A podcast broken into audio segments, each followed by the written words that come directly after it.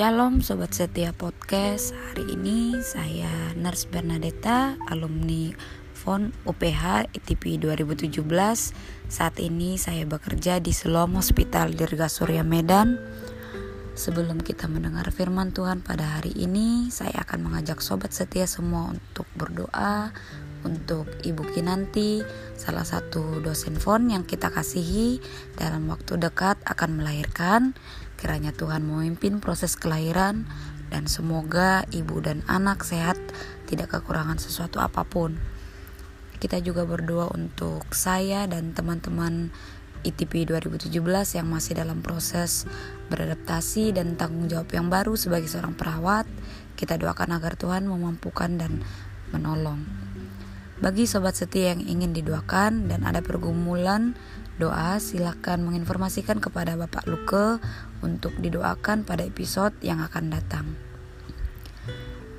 Nats firman Tuhan untuk kita pada hari ini terambil dari 1 Petrus 5 ayat 1 sampai 14. Nats ini akan dibacakan oleh Nurse Advent. Sobat setia, selamat menikmati episode Simple Sermon Podcast yang ke-155.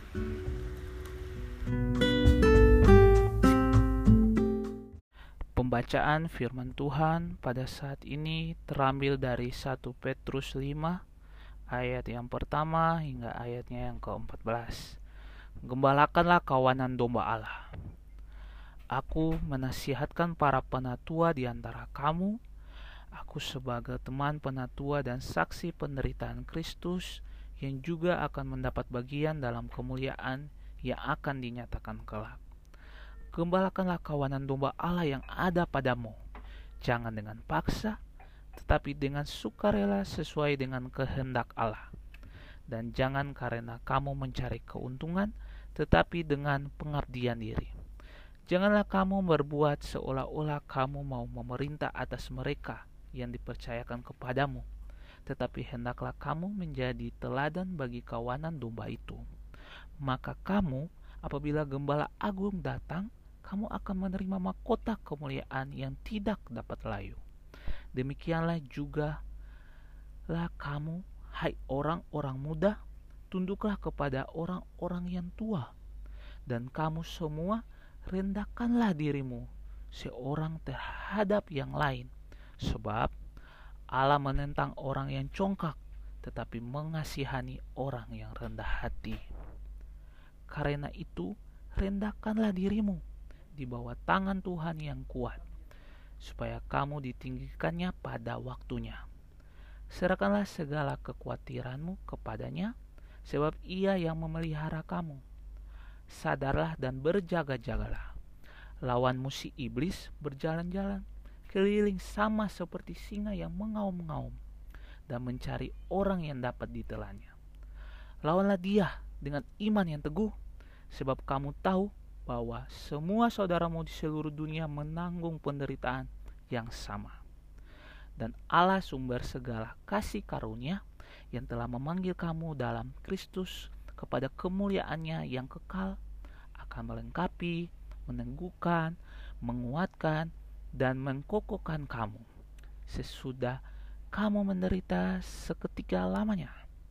Ialah empunya kuasa sampai selama-lamanya dengan perantaran Silwanus yang kuanggap sebagai seorang saudara yang dapat dipercayai. Aku menulis dengan singkat kepada kamu untuk menasihati dan meyakinkan kamu bahwa ini adalah kasih karunia yang benar-benar dari Allah. Berdirilah dengan teguh di dalamnya. Salam kepada kamu sekalian dari kawanmu yang terpilih yang di Babylon dan juga dari Markus anakku. Berilah salam ke seorang kepada yang lain dengan cium yang kudus. Damai sejahtera menyertai kamu sekalian yang berada dalam Kristus. Amin.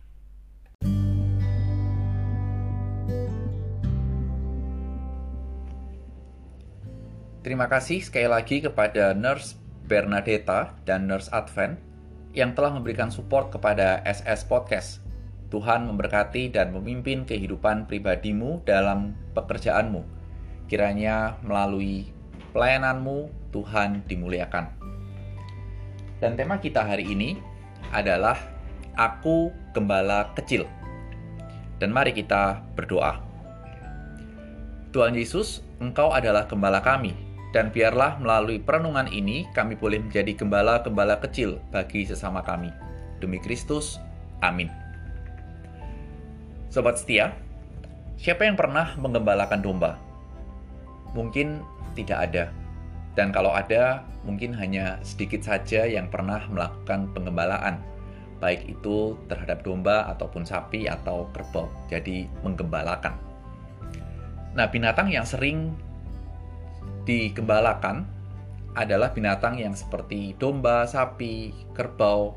Mereka perlu digembalakan untuk mereka bisa mencari makan atau mereka supaya terjaga dan terhindar dari bahaya. Bahaya itu bisa dari uh, bahaya itu bisa dari sekitar, lingkungan di mana mereka berada. Dan pasal 5 yang menjadi perenungan kita saat ini mengajarkan kepada kita untuk menggembalakan. Dan kata menggembalakan ini identik dengan seseorang yang ditugaskan, ditunjuk, atau yang memiliki kemampuan untuk memimpin. Bila dispesifikan, dikhususkan kepada tugas seorang pendeta, gembala gereja, gembala jemaat, atau penatua gereja. Namun kalau kita perhatikan dan kita gali dalam bagian ini, seharusnya kita sebagai umat Tuhan harus bisa saling mengembalakan satu dengan yang lain. Apalagi dalam konteks surat Petrus adalah sikon penjajahan, sikon di mana jemaat itu menderita. Dan dalam keadaan yang menderita itu sering kali kita tahu dan kita mungkin mengalami bahwa kita menjadi lemah. Karena kita harus mengakui bahwa kekuatan kita sebagai manusia itu terbatas. Dan memang ada batasan yang tidak bisa kita lewati. Tidak bisa selama hidup kita, kita merasa bahwa saya bisa, mampu, saya akan kuat, terus kuat, kuat dan kuat. Tidak bisa. Kita ada batas, kita ada kelemahan, dan kita harus mengakui saya lelah, saya capek, saya tidak kuat, dan sebagainya. Sehingga di dalam konteks penderitaan dan kehidupan yang kita lalui, kita harus saling menguatkan satu dengan yang lain. Karena setiap orang memiliki kekuatan yang tidak sama dengan yang lain, dan setiap orang juga memiliki kelemahan yang juga berbeda dengan orang lain. Itulah yang bisa kita pahami, bisa kita mengerti ketika Rasul Petrus mengatakan, "Gembalakanlah kawanan domba Allah." Tidak bisa kita hanya mengandalkan seorang pendeta atau penatua dari gereja atau siapa pun untuk terus-menerus menggembalakan.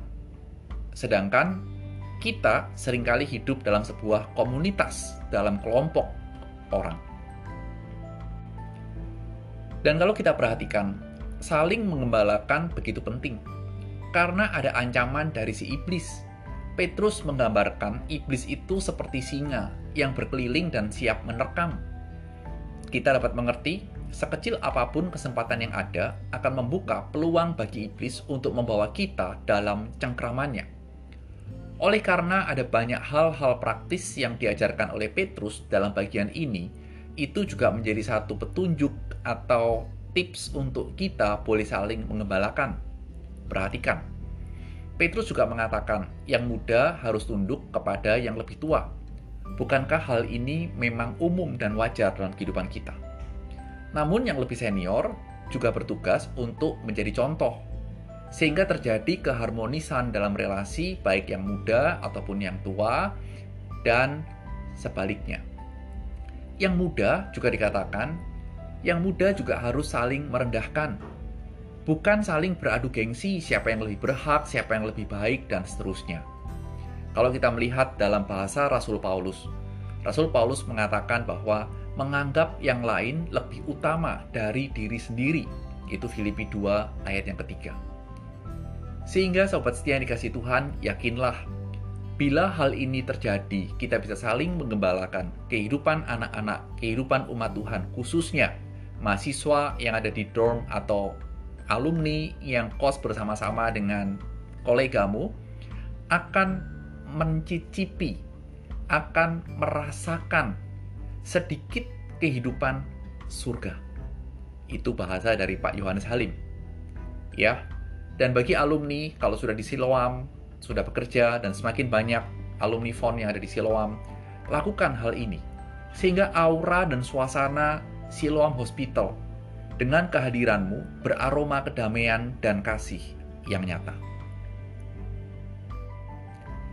Dan kalau kita melakukan hal ini, itu akan berdampak kepada imanmu, bertumbuh, karena engkau saling menggembalakan, engkau saling menjaga, engkau benar-benar menjadi gembala-gembala kecil, dan bertumbuhnya imanmu dalam Kristus menjadi senjata untuk kita, untuk engkau menghadapi serangan iblis yang berusaha masuk lewat penderitaan dan kesulitan dalam hidupmu. Sobat setia, Maukah engkau menjadi gembala-gembala kecil bagi sesamamu? Selamat mengembalakan dan saling mengembalakan di akhir pekan ini. Tuhan memberkati.